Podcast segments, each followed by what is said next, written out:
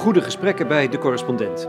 Dit keer met Ahmed Polat, fotograaf des Vaderlands, over zijn nieuwe serie Kijk, Mijn Straat. Mijn straat, mijn Hollands weer. We staan onder een paraplu met Polat bij de cabine waar jouw laatste film wordt vertoond en een paar foto's. Midden in Utrecht, op een plein bij het uh, archief. Jongen, jongen. Nou, Mooi is dit, hè? vind je het mooi? Ja, even wat sombere weer.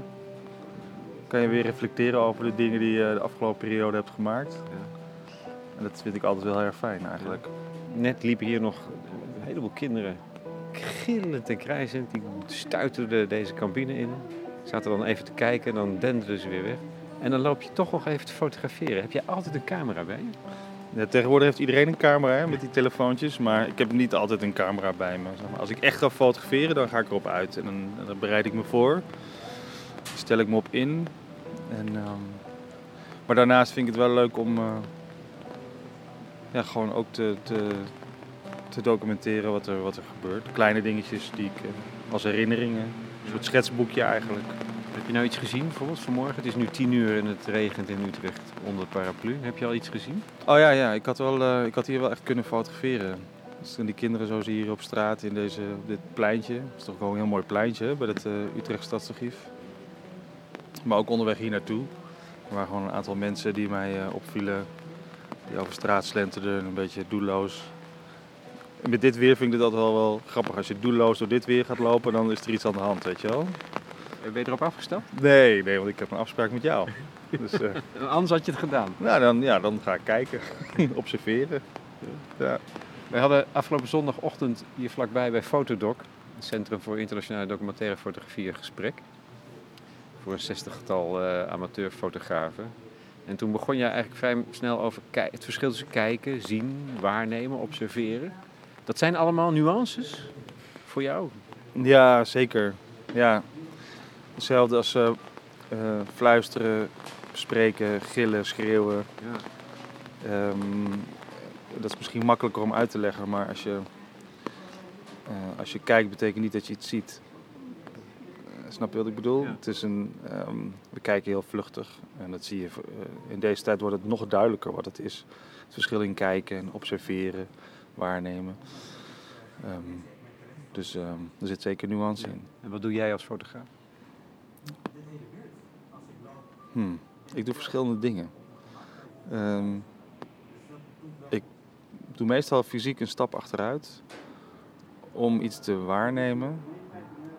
En als me iets opvalt, dan ga ik datgene wat me opvalt observeren.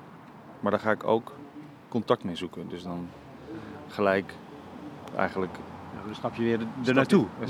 Echt een fysieke stap er naartoe. Ja. ja. Dus bij mij heeft kijken ook wel heel fysiek iets afstand, de, de, de, de, afstand bepalen. Ja, ik was bij een kunstenaar in, um, in Noordwijk. Die was ik aan het fotograferen en hij zei van, ik zag jou letterlijk, je kwam binnen, maar je ging ook weer naar achteren of zo. En dat zei hij heel mooi, want dat doe ik ook letterlijk zo. Van, nou, laat eerst maar even zien wat hier gebeurt. Want ik kan wel gelijk met die camera op iets duiken, omdat het grafisch interessant is of qua compositie interessant is. Maar je, nee, ik moet altijd even een stapje achteruit nemen. Zo van, wat, wat ga ik nou eigenlijk fotograferen hier? Ja. Het is een soort puzzel van, of een doolhof, weet je wel, van... Oké, als ik nou die ingang neem, waar komt het dan op uit? En als ik nou dit inga, wat gaat daar, wat gaat daar, waar, zit het, waar zit het knelpunt? Of wat is interessant hier? En ik, ik weet nooit de uitkomst. Hè? Ik ben nooit op zoek naar het beeld of het verhaal. Ik ben eigenlijk alleen maar op zoek naar dat eerste contact. Zullen we naar binnen? Ja, is het is nu droog. Maar het is misschien handiger eh, om de paraplu op te bergen en even bij Fotodoc te kijken of we een, een schuilplaats kunnen vinden.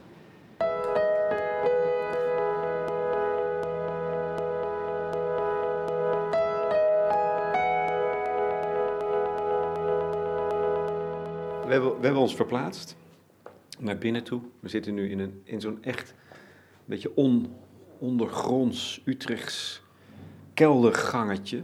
Ik heb uitzicht op het water van een van de grachten, waar af en toe een boot voorbij komt. Dit is een ruimte uh, waar mensen elkaar kunnen ontmoeten en kunnen flexwerken in de ruimte, zo heet het ook.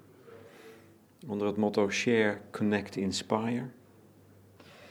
Laten we toch eens beginnen bij waar je vandaan komt, als het over mijn straat gaat. Je hebt altijd ook een mijn dorp. Jij komt uit Feyenaard, Brabant. Wat was dat voor jeugd? Hoe zag het landschap er daaruit? Ja, minder straten en meer dijken, zou ik zeggen. En ehm, als ik terugkijk op mijn jeugd, nou, dan zijn er veel ups en downs. Maar... De, de, Wat voor ups en downs? Nou, het leven als... als ehm, op de, in die tijd eh, waren het... Uh, gastarbeiders, hè, of kinderen van een gastarbeider. Dan was mijn vader eigenlijk geen gastarbeider, maar uh, omdat hij Turks is, uh, werd ik toch wel in die hoek uh, geschoven. Dus dan woon je in een dorp waar over het algemeen alleen maar ja, autochtone Nederlanders woonden. En ondanks dat mijn moeder er ook vandaan komt, werd er toch vreemd naar ons gekeken. Dus die, die, die blik die op ons geworpen werd, en ik zeg ons omdat mijn broertje en ik daar dus allebei zijn opgegroeid dat deed ons wel verlangen naar iets anders. Wat, wat, wat dan? in eerste instantie uh, van hoe we daar um, ja, weg konden komen. Want het was, uh, ondanks dat ik er nu naar terugkijk en denk, wat was toch een, een, goede tijd om mezelf te ontwikkelen. Ja. Um, en vooral het van, de dromen die, wat ik daar deed, dromen van een wereld buiten het dorp. Vooral uh, tijdens mijn lange fietstochten, want ik fietste enorm veel. Uh, vooral omdat uh, de school waar ik zat, Bertus College zat in Roosendaal, dat was 14 kilometer van ons verwijderd. En het sporten was ook, want ik ging heel graag basketballen, maar dat was ook 12 kilometer van ons verwijderd. Dus ik fietste wat af daar. Ja, echte Hollandse jongen. Ik, ja, een echte Hollandse jongen in die zin, met de fiets over de dijken heen. En als je iets wil, moet je er iets voor doen. Ja. En kijken denk ik dan ook ondertussen. Dromen en kijken dan, die tochten? Ja, daar, dat is wel. Je had natuurlijk gewoon enorm veel um, uitzicht. Ja. Hè? Dijken, uh, boompjes, uh, sterren en nadenken. Ja, dagdromen, dat deed ik heel veel. Ja. Van een wereld voorbij de horizon. En wanneer begon het dan zo te prikkelen dat je ook die horizon voorbij bent gegaan? Nou, ik, kreeg, ik had al heel snel een, uh, een, een drive. Ik was heel erg ambitieus, ook in sporten. Dat, dat, Misschien raar om daar even over te hebben, maar... Um, ik basketbalde enorm graag. En um, zelfs zo graag dat ik op een gegeven moment ook met uh, selectietrainingen mee ging doen. En het zover schopte dat ik in het Zuid-Nederlands team terecht kwam. En uh, die ambitie zat er toen al heel erg in. En uh, tijdens die ehm, wedstrijden die ik toen deed, deed ik ook tegelijk toelatingsexamen voor de kunstacademie. Maar ik merkte al wel snel dat die werelden niet met elkaar stroomden. En de ene als basketballer moest ik enorm volgzaam zijn. Want ik had een coach en een, en een team. En je, je, bent teamspeler, dus je moet met elkaar dingen doen. En in um, de kunstwereld of op, het, uh, op de kunstacademie merkte ik, ik al gelijk dat het, het individu daar heel erg belangrijk en centraal stond. En dat ik daar echt heel veel aandacht aan moest gaan besteden. Dus ja, die keuze was snel gemaakt. Toch wel. Ja, want ik kan me ook voorstellen dat het in wezen zijn natuurlijk twee dingen die je allebei zou willen kunnen combineren in je leven. Ja, maar ik, ik had zo'n, ik had een beetje, uh, door mijn complex verleden van uh, twee culturen, um, een, een, een, leven vanuit een klein dorp, hè, dat, is, dat, dat doet ook iets met hoe je naar de wereld kijkt. En, en hoe ik daar mezelf in moest uh, positioneren en plaatsen, dat, dat, daar moest ik echt met mijn volledige 100% voor gaan. Anders had het nooit gelukt. Dus je moet knokken om je eigen weg te gaan? Ja, echt letterlijk moet je gewoon knokken. Want je, je, je loopt tegen heel veel uh, vooroordelen aan. Uh, um, en, en je moet gewoon zelf um, diep gaan om uit die put te komen van, van onwetendheid. Nee, je hebt gewoon echt tijd nodig om jezelf te ontrafelen. En dat doet een kunstacademie. Dat is zo bijzonder aan het kunstonderwijs. En uh, nog steeds denk ik uh, ook een van de redenen waarom ik uh, nu alweer tien jaar les geef.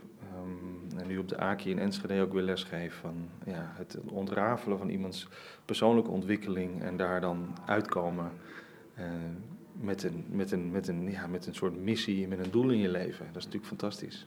En wanneer kwam dan die fotografie erbij? Wanneer de eerste camera? Want, want dat was nog voor de kunstacademie, denk ik. Nou, mijn, mijn vader, die, dat wist ik dus ook niet. Mijn vader was enorm uh, geïnteresseerd in fotografie. Hij had zelf een Canon A1, dat is zo'n ouderwetse metalen uh, bak waar je dan gewoon, ja, daar kon je overal mee doorheen. Maar het is een hele goede camera en die had hij gewoon liggen. En toen ik vertelde dat ik naar de kunstacademie ging, toen heb ik tegen hem gezegd van ik word journalist. Want kunst was weer een ander ding, maar journalistiek dat vond hij heel interessant. Ja. En uh, dat moet je ook voorstellen als, als, als vader, die, uh, die, die wil het beste voor je kind. En kunstenaars hebben niet in eerste instantie altijd dat ze goed terecht zullen komen in, in, in, monetaire zin. Maar hij had wel vertrouwen erin en um, toen heeft hij me die camera geschonken. En daar ben ik mee gaan fotograferen.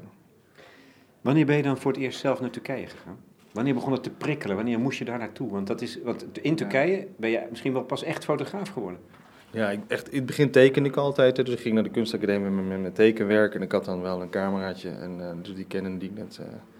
Maar wat, ik, uh, wat daar al heel snel begon was van... Ehm, ja, wat wil je maken? Wat, waarom doe je dit?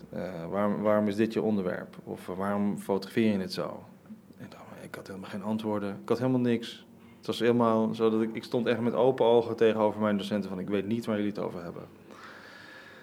Nee, dat klinkt heel raar, maar ik wist gewoon niet waar wat ze nou bedoelden en waar ze nou naar doelden. En dat was zo abstract en zo frustrerend. Daar heb ik nachten van wakker gelegen. En er was alleen maar onrust. Enorm veel onrust in, in die tijd. Echt, kunstacademie was fantastisch, maar een hele heftige periode voor mij. Want ik moest echt over dingen nadenken waar ik nog nooit over na had gedacht. En um, in die tijd had ik ook een heel andere relatie met mijn vader. Dus het was veel minder duidelijk voor mij dat het om, om zijn geschiedenis ging. En om, om het verhaal van Turkije. Dat, het, dat ik helemaal nog niet eigen had gemaakt dat ik ook half Turks ben. Ook al werd ik in Nederland constant als Turk uh, aangesproken. En dat ik dat maar moest weten, weet je wel. Een soort van, ja, hoe zit dat? En eh, ben je moslim? En uh, al dat soort dingen.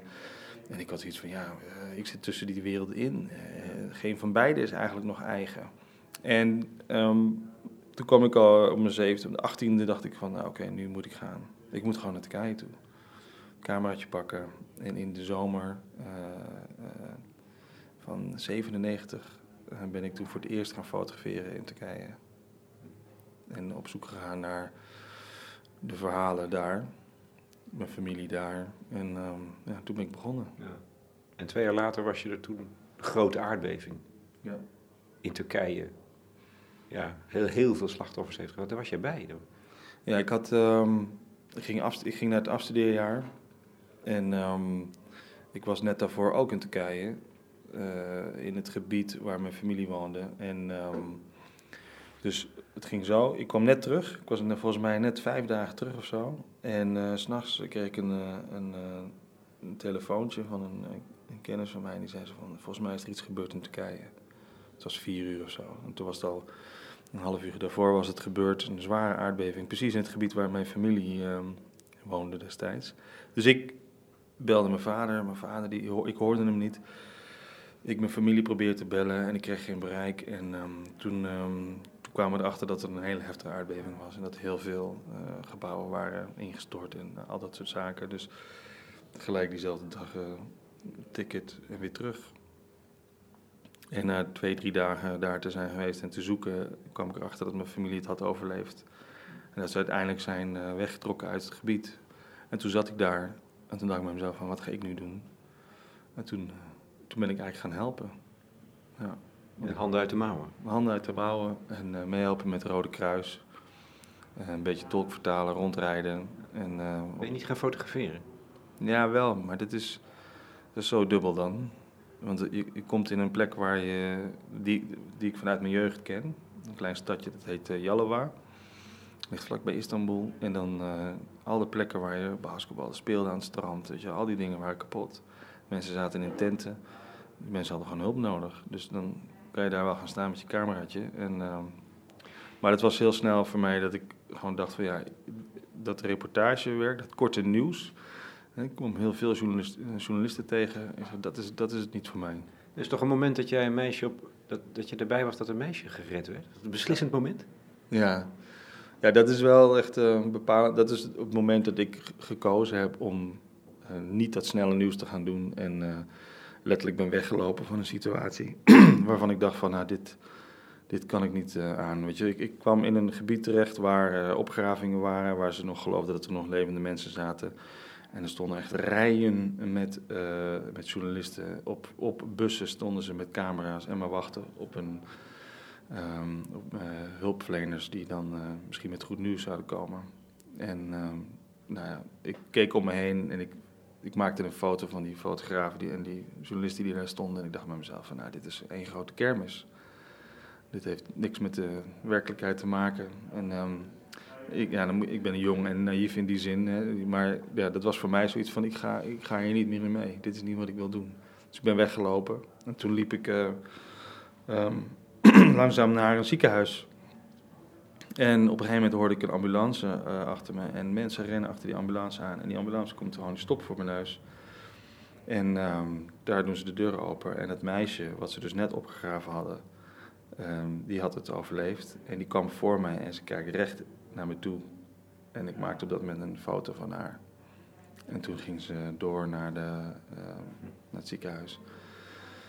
En uh, ja, die blik, die, uh, die angst die ze in haar ogen had, dat, was, dat kwam zo hard binnen dat ik echt eventjes ja, wel van slag was.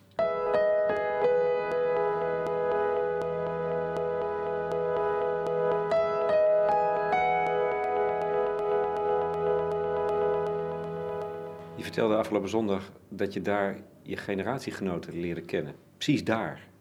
De, de, dus de jonge mensen die ook de handen uit de mouwen staken. En dat is ook heel erg belangrijk geweest voor, jou, voor jouw ontwikkeling. Ja, ja wat, als ik er nu op terugkijk, denk ik zelf dat de hele groei van Turkije, economisch gezien, ja. uh, begon toen. Je, je merkte, of ik merkte heel snel met uh, de mensen die ik ontmoette daar, in Yalova, in Düzce, waar die twee aardbevingen hebben plaatsgevonden, uh, dat ze voor het eerst een hele jonge generatie bij elkaar kwam en iedereen actief uh, ging participeren in de opbouw, uh, voedsel uitdelen. Allemaal hele, ja, gewoon kinderen van rond de 18, 19, 20, 22, 23, allemaal mijn leeftijd. Allemaal gestudeerd of waren aan het studeren en, en, en wouden iets doen, maar wisten niet wat ze wouden doen. Want tot die tijd was Turkije lag in een soort van sluimer. Er was wel, ik voelde daarvoor wel dat er dingen zouden kunnen gebeuren in Istanbul, maar het was geen uh, plek waar iedereen naartoe wou. Uh, het idee over Turkije was nog heel erg van um, Midnight Express, dat verhaal. Hè? Dus de, de, het was meer een soort van, nou... Exotisch, sensueel. En donker en pas maar op als je daarheen gaat dat je geen rare dingen doet. Ja. Weet je wel, dat vooral. En... Um, ik merkte gewoon dat mensen van, nou nu, er is, iets, er is iets gebeurd, er is iets aan de hand. Iedereen om ons heen was bezig, iedereen was actief. En toen de hele situatie eigenlijk uh, voorbij was, na maanden hulpverlenen en dat soort dingen, kwam, kwam, kwamen al die studenten terug in Istanbul. En die hadden zoiets van, ja, maar nu gaan we, nu gaan we gewoon door. Nu gaan we dingen oppakken.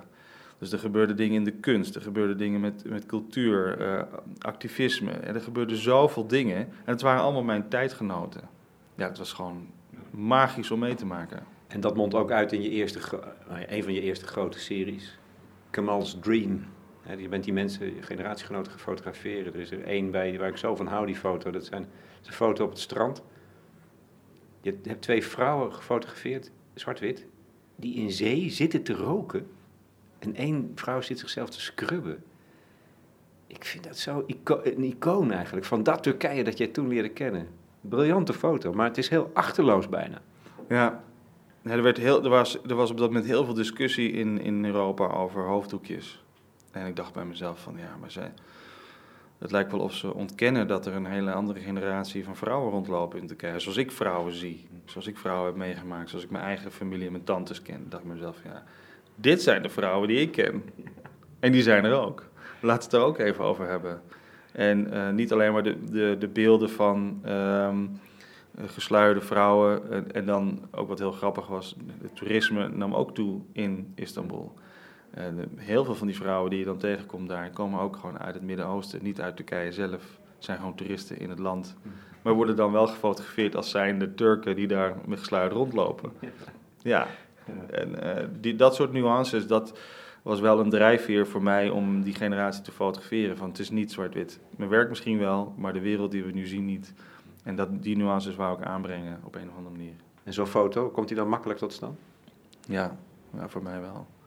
Ja, dus, ik, ik, ik, ik heb daar uh, op een of andere manier, um, en menig fotograaf zal dat ook wel hebben, die daar uh, lang mee bezig is, een heel goede intuïtie in om contact te maken. En, um, maar, je, maar je moest daar, want ze zaten hoe ver af van, het, van de branding? Ja, zaten in het, in, ze zaten best in, in de zee zaten ze, en ik zag dat op een afstand. Ik dacht van nou, deze dames ga ik fotograferen. Dus dan moet je waden met je camera. Ja. Dat is geen kleine camera, toch? Nee, ik had zo'n oude Pentax 6.7 met zo'n hout handvat. Het is echt een middenformaat, een heel groot ding. Dat is echt een bullebak. Maar, uh, in je zwembroek dan? In mijn zwembroek. Ik liep al rond in mijn zwembroek, want zo ga ik... Ik ben niet in, uh, iemand die met een pak rondloopt. Dus ik liep daar op het strand met die camera en ik zag die dames en ik zeg van... Hallo, mag ik jullie uh, even storen? Ik vind het zo fantastisch dat jullie hier zitten. Ik, ik wilde graag even een foto maken. Nou, ze zeiden, dat is goed. Dus ik ging gewoon in het water zitten en op een gegeven moment zat ik gewoon um, ja, recht tegenover ze. En ze gingen door met het sigaretje en dat ene meisje had een spiegeltje in de hand. En ze gebruikte dus het, het, zand van, van uh, dat strand wat in het water, dat gebruikte ze om haar gezicht te scrubben. En dat, ja, ook zoiets. Die, die ijdelheid en daarnaast gewoon dat sigaretje in die mond. Het is gewoon fantastisch, ja.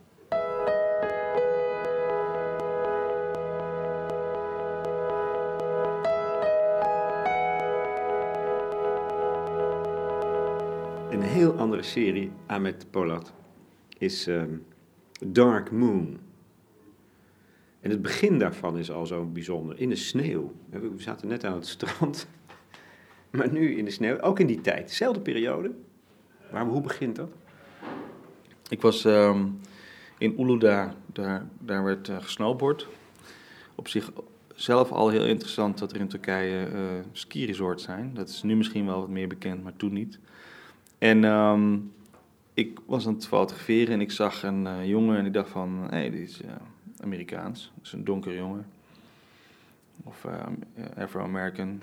En ik ging naar hem toe en ik sprak hem aan in het Engels. En hij keek me echt zo aan met grote ogen zo van...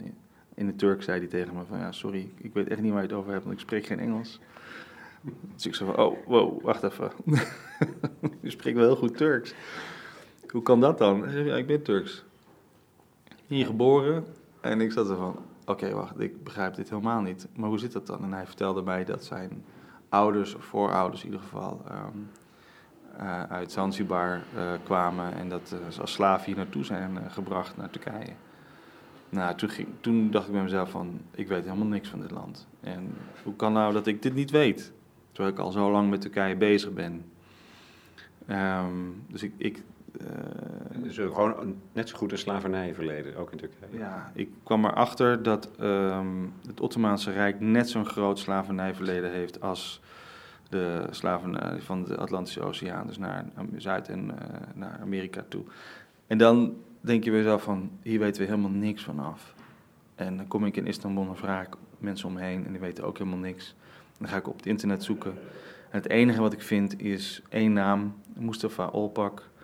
Uh, die uh, zelf van Afro-Turkse afkomst is, zoals hij dat zelf noemde, Afro-Turk. En hij uh, had een kleine stichting begonnen om hier wat aandacht aan te besteden. En dat was het enige. En toen dacht ik bij mezelf, nou deze man moet ik bellen. Want als kunstenaar, als maker, ook als denker over de wereld, denk je bij jezelf van ja, de identiteit van de Turken, het Turk zijn, dat is niet eenduidig, dat is niet uh, um, één verhaal. Er zitten zoveel verschillende lagen in, zoveel verschillende verhalen in. En ik kom dit tegen en niemand weet het. Ik kan het laten liggen, maar ik dacht van dit moet ik oppakken en kijken of ik daar iets mee kan doen. Dat is misschien wel een van de mooiste motieven voor een fotograaf. Dat wat onzichtbaar is, zichtbaar maken. Ja, ja en, en het, het, het grappige is, en ik geloof ook wel een beetje in dat het leven zo werkt. Het past er ook weer precies bij um, mijn eigen geschiedenis. Om in Nederland dingen aan te kaarten vanuit mijn Turk zijn, eh, dat dingen niet zwart-wit zijn en daar een positie in te nemen. Maar nu ook in Turkije ook een groep mensen te vinden, een heel verhaal, een hele geschiedenis, een vergeten geschiedenis te vinden en om daar aandacht aan te besteden. Dus ja, vond ik bijzonder dat ik dat dan uh, kon gaan doen. Dit leidt tot een aantal prachtige portretten, het is natuurlijk ook weer een heel lang verhaal. Um, maar dat, dat zijn eigenlijk klassieke portretten. Kijk, je hebt, je hebt een hele dynamische stijl. Van, van een beetje rauw, levendig, complex vaak. En dit opeens, boem. Front, nou gewoon klassieke portretten. Ja. Waar maak je die keuze dan? Omdat um, het representeren van mensen uh, met een uh, Afrikaanse achtergrond, uh, een donkere huid. Daar zit zoveel traditie in um, dat je heel snel in een soort valkuil terecht kan komen. En ik begon in de eerste instantie te fotograferen zoals ik dat altijd deed. Dat dynamische, dat recht in zo'n moment. En toen dacht ik van ja, dit kan overal zijn. En dit kan, dit kan nu, dit valt dan of, oh, het zijn mooie mensen en ze zien er mooi uit, mooie huidskleur. Dit is niet, wat, dit is niet mijn doel, dit is niet het verhaal, dit is niet de kern. En um, ik moet het op een hele andere manier gaan aanpakken. Dus ik was ook aan het nadenken over hoe ga ik met fotografie om? Hoe ga ik dit in beeld brengen? Want als ik de eerste ben die dit nu fotografeert, dat betekent dat dat gewoon de beelden zijn die in de geschiedenis als referentie worden gebruikt. Nou, dat is best een heftig ja. idee. Grote verantwoordelijkheid draag je dan. Dat is een enorme verantwoordelijkheid. En uh, sowieso hebben wij een enorme verantwoordelijkheid als maar beeldmaker. Um, en dat moeten we niet onderschatten, ondanks dat er overal zoveel beelden van zijn. Maar ik denk dat we ook een handschrift hebben en uh, iets achterlaten wat, um, ja, wat het toe doet. Dus neem je een positie in. Dus ga je kijken van wat is, de, uh, wat is een betere strategie. Uh, en ik merkte gewoon al snel van als ik uh, in plaats van dat documentaire verhaal veel meer ga werken naar portretseries, heb ik ook gelijk directere toegang. Positioneer ik deze mensen veel, ja, misschien wel meer op een, op een soort podium, zoals ze zichzelf nooit zien. En dat merkte ik ook dat mensen, de, de, de Afro-Turkse gemeenschap, daar ook echt wel op reageerden, heel positief op reageerden. Want ik maakte het werk en een jaar later bracht ik het werk weer terug. En dan hing ik het bijvoorbeeld in hun, uh, tijdens hun picknicks of hun bijeenkomsten, hing ik het daarop. En dan zagen ze die foto's en ze, ja, dat deed iets met ze. Zo van, voor het eerst dat ze zichzelf uh, gerepresenteerd zien op een andere manier dan voorheen. Dus dat vond ik heel belangrijk. Draag je bij aan de ontwikkeling van de gemeenschap. Ja, ja het is nu weer acht jaar verder. Heel veel dingen gedaan, samenwerking met UNESCO. Er zijn tentoonstellingen geweest, ook hier in het Stedelijk in Amsterdam zelfs. Uh, maar het is een heel complex verhaal, dus stapje bij stapje. Ik ben er nog steeds mee bezig. In diezelfde periode komt de Vogue bij je langs. Ja, dan denk je, hè? Als je jouw cv ziet, denk je, dit is onwaarschijnlijk. Dat, hm. Dit kan niet. Ja. Wat is dat dan weer voor een verhaal? Ja, de modewereld. Want je, ik, ik uh, was er al mee in aanraking gekomen, omdat ik uh, in die eerste jaren als fotograaf had ik niet zoveel uh, geld om alles um, uh, zelf te ontwikkelen en te doen. Dus ik, ik moest gewoon een beetje naar hulp kijken daar. En, en, een vriendin van mij, die ik ook altijd ontmoet in die aardbevingen, ja. die vertelde van, ja, als architect werkte zij aan een klus mee bij een fotograaf. En dat is een hele lieve man, daar moet je heen gaan. Heb ik gedaan en hij had een enorme studio, een, hele bekende modefotograaf. en zijn vrouw is half Turks-Zweeds. dus nou, misschien hebben jullie wel een goede klik. Nou, het klikte ook gelijk. En zijn naam is Tamer Yilmaz. En hij fotografeerde voor alle topmagazines van Elle, Marie Claire, noem maar op. En dus ik stond daar in die studio en ik ontwikkelde mijn rolletjes daar. En ik maakte afdrukjes. En iedereen vond het allemaal hartstikke schattig. Want uh, ik liep er ook uh, soms uren over om naartoe te gaan. Het was heel ver weg. In dat moment was er nog geen metro. En mensen vonden dat echt fantastisch wat ik daar aan het doen was. Zonder jouw werk te kennen, zonder te weten wat voor foto's je maakt. Ze wisten niet wat ik aan het doen was daar. En ze vonden het allemaal heel erg leuk. En ondertussen keek ik naar die modewereld en ja, observeerde ik dat. En hè, ik was niet hun aan het assisteren, want ze hadden al genoeg assistenten. Maar ik deed gewoon mijn eigen dingetjes in, het, in, het, in de doka. En zoveel jaar later, moet je je voorstellen, uh, eh, 2005, ik ben net naar Turkije verhuisd, want ik ben er ook gaan wonen. En um, ik krijg een, uh, een, nominatie voor een prijs in New York, de ICP Award. En na het einde van het jaar win ik die prijs. En uh, heel mijn wereld verandert op dat moment, want je, ja, je krijgt opeens zo'n groot podium om je werk te laten zien. En ik kreeg een solo tentoonstelling in het Istanbul Modern, het eerste moderne museum in Istanbul. En um, ik had daar een solo en daar hing al dat werk wat ik al die jaren in die studio had ontwikkeld, in dat dokaatje. Dus al die fotografen kwamen daar en ze stonden echt te kijken zo van, dus dat heb je al die tijd gedaan. En dat was echt fantastisch, dat ze dat ook herkenden. Ja. Um, een schok ook toch voor ze? Het was een enorme schok voor ze. En, nou, en, de, en de tweede schok is eigenlijk het volgende, dat er dan zoveel jaar later komt zo'n magazine zoals Vogue, Die dan beslist van we gaan in Turkije ook een magazine neerzetten. Want het is een hippe, die hippe metropool aan het worden, wie je net beschreven. Ja, die groei vanaf 99 was enorm. Dus in 2009 zitten we nu, uh, zie je gewoon echt, uh, iedereen wil iets in Turkije. Iedereen wil iets in Istanbul. Want Istanbul doet het toe. De magazines, ik had in die tijd al veel uh, dingen gedaan voor New York Times of Paris Match. En dat zijn allemaal internationale bladen, die waren geïnteresseerd in wat er gebeurde. En op een gegeven moment komt zo'n magazine, we gaan nu hier zo, het is tijd voor ons om hier iets te doen. En um, ze begonnen met een hele lijst van uh, fotografen samen te stellen die dan bijvoorbeeld mode deden of uh, reportage deden. En ik stond er wel op, maar ik stond gewoon onder de, het reportagelijstje. Ik woonde daar dus wel en ze dachten van nou, misschien is het wel leuk als hij iets doet. Maar de fashion editor die daar kwam uit, uit Engeland, een soort blue blood die dus ook kunst en cultuur heeft gestudeerd. En die zei van, ja ik wil een modeshoot doen, maar alleen met deze fotograaf. En ze wees, had mijn naam aangewezen. En ik kreeg dus die vraag op een gegeven moment van... Ahmed, wil je naar Vogue komen? We willen graag met je praten. Ik zeg van, nou, dat wordt leuk. Gaan we een reportage doen. Nee, of ik, of ik een modeshoot wou doen. En um, vanuit die traditie van fotografen... die uh, zoals een uh, Richard Avedon of een uh, William Klein... die al ook reportage deden, maar ook mode deden. Op die manier had zij het idee van dit wil ik met jou gaan, okay. uh, gaan doen. Nou ja, het heeft dus wel degelijk een geschiedenis, zoiets. Ja, er zijn heel veel bekende uh, uh, modefotografen, iconische modefotografen, die eigenlijk vanuit de documentaire komen. Omdat die gewoon op een eigen manier naar het beeld kijken en, op, en, en niet alleen maar naar elkaars werk lopen te refereren, maar zelf met werk komen. En dat merkte ik ook van. Mijn eigen werk werd mijn inspiratie om mode te doen. En heb ik dat dus eigenlijk vier jaar ge gedaan uh, voor Vogue. En gelijk op dat niveau, met topmodellen, met alles erop en eraan. Hoe was dat dan? Ah, met Dream moet dat geweest zijn. Nou, het was fantastisch, want ik ben overal, ik ben overal voor in. Ik ben zo nieuwsgierig, ik wil gewoon dingen leren en blijven leren. En, uh, nu maar je ook. vond het niet een, een, een, verschrikkelijke wereld? Oh nee, helemaal niet. Want de, de kunst is ook uh, keihard. Ik zie het als een ander platform. En het heeft wel zijn eigen uh, eigenaardigheden. Maar ja, daar leer je dan mee omgaan. Ja. En ik heb ook zoiets van, uh, je kan er pas iets van vinden als je er zelf ook echt iets mee gedaan hebt. En uh, na vier jaar ben ik zelfs gevraagd om art director te worden van Vogue en heb ik dat ook gedaan. Dus ik, uh, het is niet dat ik eventjes maar erin en eruit en dan... Toen, flirt, het was geen flirt. Het was geen flirt, het was even een relatie, intens. En, um, maar ben je nu al gestopt? Ja, ik heb er zoveel van geleerd. Ik schiet nog wel eens voor Harper's Bazaar ook, dat zijn weer andere modemagazines.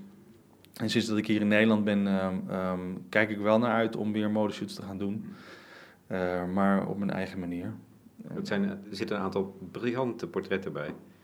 Die foto van die, het model dat voor een verkoper van auto-wieldoppen langsloopt. dat is, of die, die twee kappers. Ja. Ach. Ja, het zijn, ik, ik, gebruik gewoon de normale mensen. Ik kom ze tegen, ik spreek ze aan zoals ik, uh, zoals ik documentair werk maak. En ik vraag gewoon aan hun van, hé, hey, we zijn hier bezig. Maar ik zou echt heel fijn vinden als, als jij in de foto ook een plekje inneemt. Vind je dat goed? Dus die man die ging zitten en die nam een sigaretje en, uh, die was daarvoor was hij aan het bezemen. En die bezem, dat is een soort fluoride geel-groen ding. En toen dacht ik van, we hebben zo'n jurk. Als we die jurk nou aantrekken. Dat was echt, je vindt gewoon dingetjes. En, en hij keek al naar het model en dacht van, nou deze blik spreekt... Uh, ja, dit is fantastisch gewoon. Je moet het zien. En daarna met de kappers bijvoorbeeld ook. Het zijn oude mannetjes in een wit jasje. En ze waren gewoon de winkel aan het openen en schoon aan het maken. En ik zag ze en dacht van, nou, dit is fantastisch. Dit kan je gewoon bijna niet casten. Ja. En dat is het mooie aan documentaire en mode en die combinatie. Dat je gewoon dingen vindt, heel spontaan, die je niet had bedacht. Maar die gewoon zo, ja, in essentie gewoon raak zijn. Ja, dat is uh, heel mooi.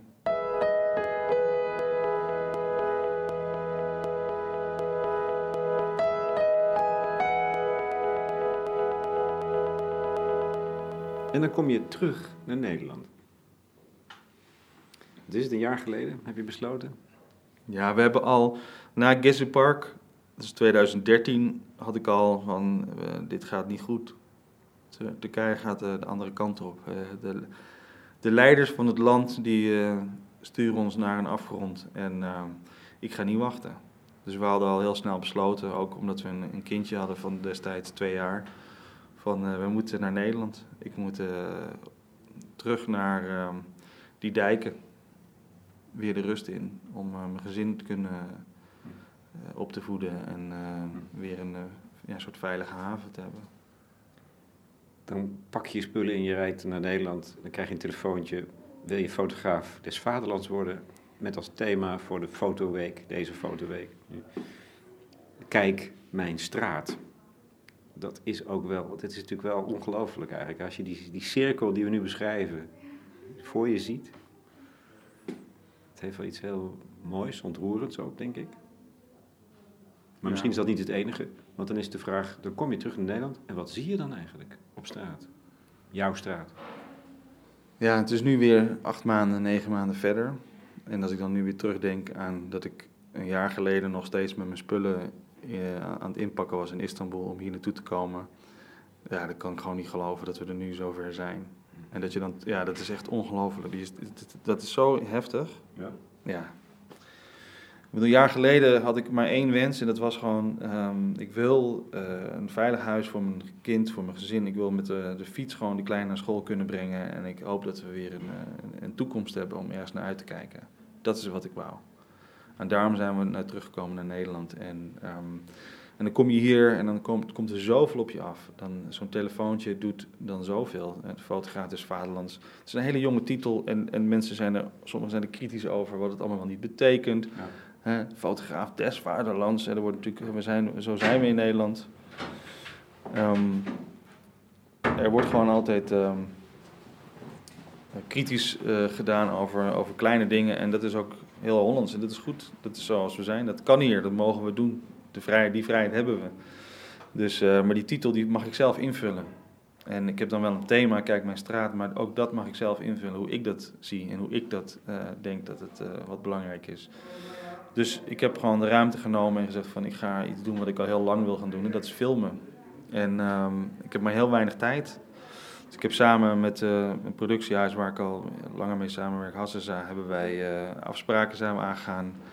En ehm, we zijn gaan, ehm, gaan werken aan een, ehm, een korte documentaire met portretten van mensen die praten over hun straat. Eh, ik voelde zelf heel veel wat er in Nederland speelde, de spanningen. Ik zag natuurlijk ook in de trein iedereen alleen maar met een telefoontje bezig. En ik dacht met mezelf van, wat voelt het hier allemaal? Een beetje losgekoppeld. En de, de, de frustraties, ik, ik, ik heb het idee dat men niet meer weet hoe fijn het is om hier te zijn. Want voor mij was het fantastisch gewoon. Ik kom terug en je kan naar buiten toe en je hebt een stoep. Er ligt gewoon een weg. Dat klinkt heel raar, maar Nee. over heel veel landen in de wereld is het niet zo. Er is geen stoep, er is geen plek voor een fietser, weet je wel. En hier hebben we dat allemaal. Voor een kind om te spelen. En voor een kind, een park. Niet één, maar gewoon vijf in de buurt, weet je wel. Ja, je moet even de fiets pakken. Maar er is overal zijn er mogelijkheden. En nou weet ik wel, eh, nou, Hilversum is een heel leuk eh, klein stadje waar ik dus nu woon. En heel veel groen.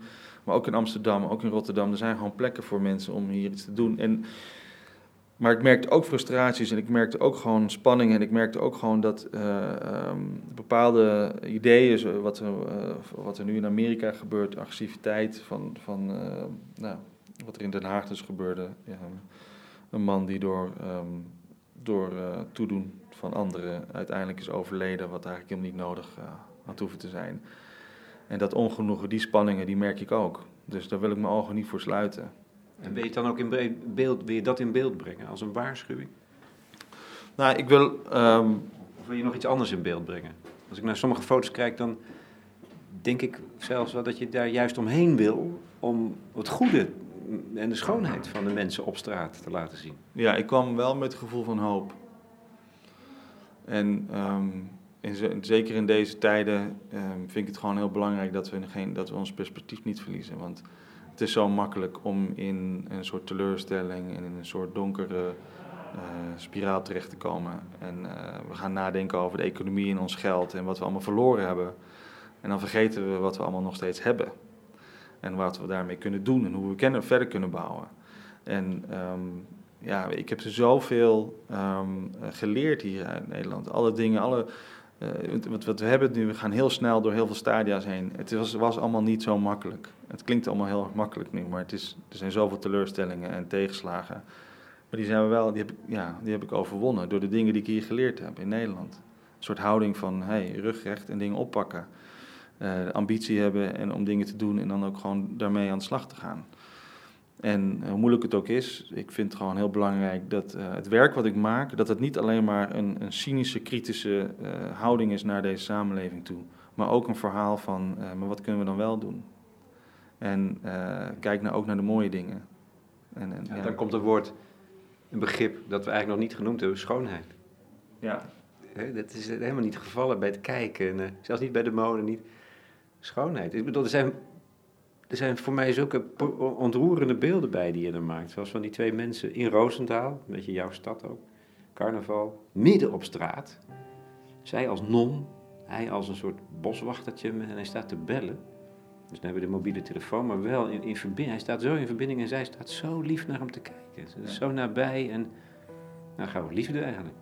Ja, ja ik, ik, zie, ik, ik vind het wel leuk dat je dat zegt. Sommige mensen zien daar meer een soort van humor in, want dan zijn ze grappig gekleed. Maar uh, de, de beelden die ik uiteindelijk selecteer en waar ik mee wil communiceren, zijn nooit alleen maar beelden van mensen uh, voor gek zetten of iets grappigs vertellen alleen maar.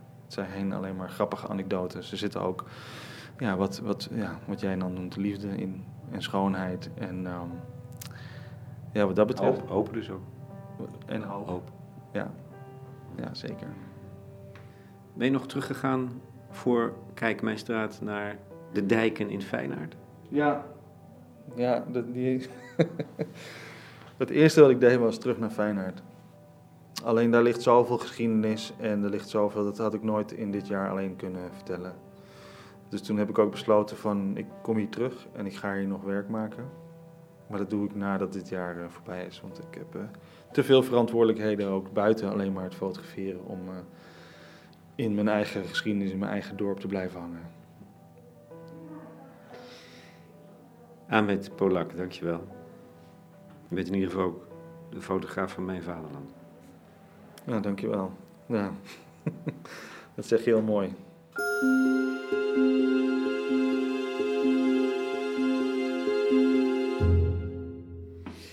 Ahmed Polat, fotograaf des Vaderlands, in gesprek met Lex Bolmeijer voor De Correspondent.